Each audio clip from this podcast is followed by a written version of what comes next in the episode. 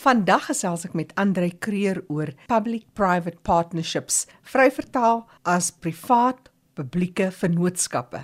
Andre, jy bied ook opleidingskursusse aan in Suid-Afrika, op die Afrika kontinent en wêreldwyd. Wat is publieke openbare vennootskappe en hoe werk dit? Wie is van die deelnemers en wat is elkeen se rol in so 'n samewerkingsooreenkoms?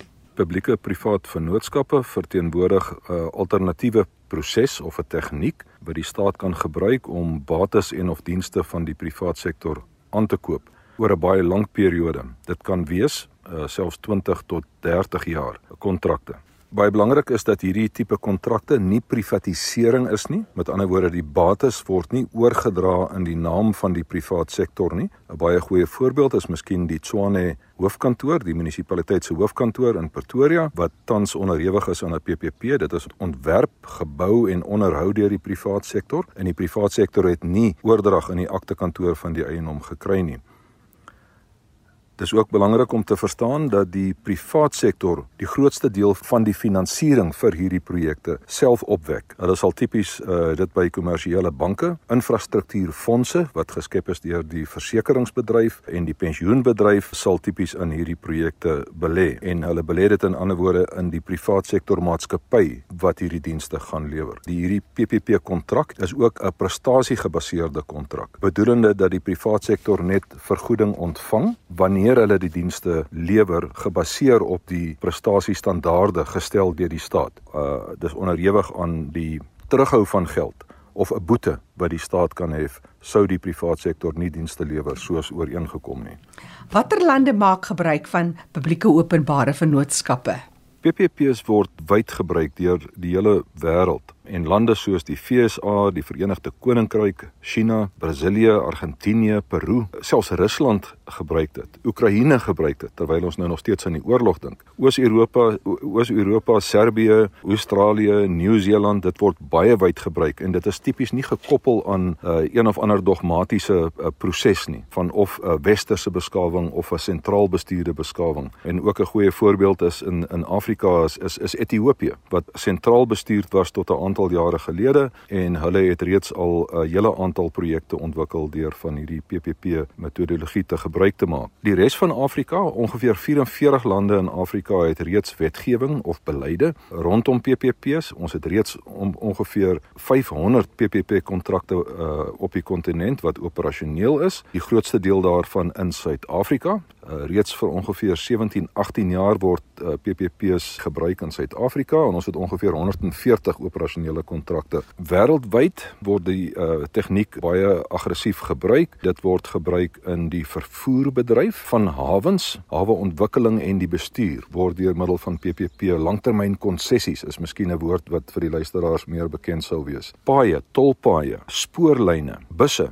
hierdie sogenaamde BRT, die Bus Rapid Transport skemas wat gebruik word in verskeie lande en ook in Suid-Afrika gebruik word. In Afrika in teenstelling met wat in Suid-Afrika gebeur het, ontwikkel lande, groot stede hierdie BRT projekte op 'n PPP basis, net sowel ook in die kragopwekkingsgedeelte, die transmissie van krag en dan ook die distribusie in stede. In Uganda is daar 'n baie goeie voorbeeld, Umeme van 'n uh, elektrisiteitsdistribusiemodel. En in Suid-Afrika Suid-Afrika behoort ons binnekort ook in die Midval omgewing 'n soortgelyke voorbeeld te hê.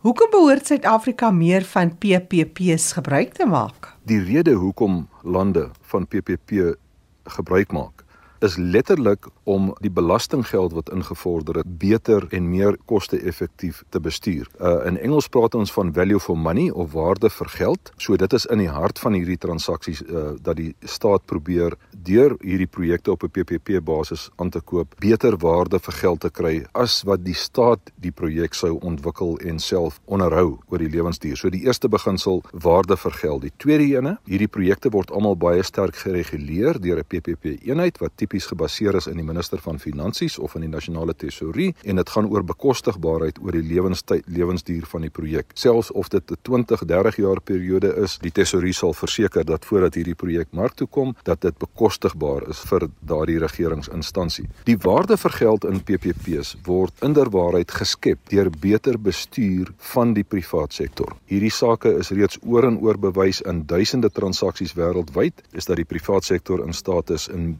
baie gevalle om hierdie projekte te lewer teen 'n laer koste as wat die staat dit sou doen en dan nog gewins te maak in die proses. Kan hulle steeds die projek, projekte teen 'n laer koste aanbied vir die belastingbetalers. Baie belangrik, ons moet onthou dat hierdie is nie privatisering nie. So aan die einde van die periode van die kontrak word die bate terug oorhandig aan die staat in 'n vooraf bepaalde toestand. Ehm um, ons het in Suid-Afrika 'n paar projekte wat aan die einde van hulle lewensduur is en al daardie projekte gaan terugkom staat toe en die staat kan dan self besluit wil hy hierdie projekte weer op 'n PPP basis na die privaat sektor neem. Een of twee voorbeelde hier sou wees uh, die eThekwini waterprojek en dan ook in die Durban gebied die Albert Lutuli Hospitaal wat ook 'n PPP projek verteenwoordig. Noem vir ons enkele voorbeelde van 'n PPP transaksie. Tolpaaie in Suid-Afrika. En miskien is die interessantste ene eerste tronke.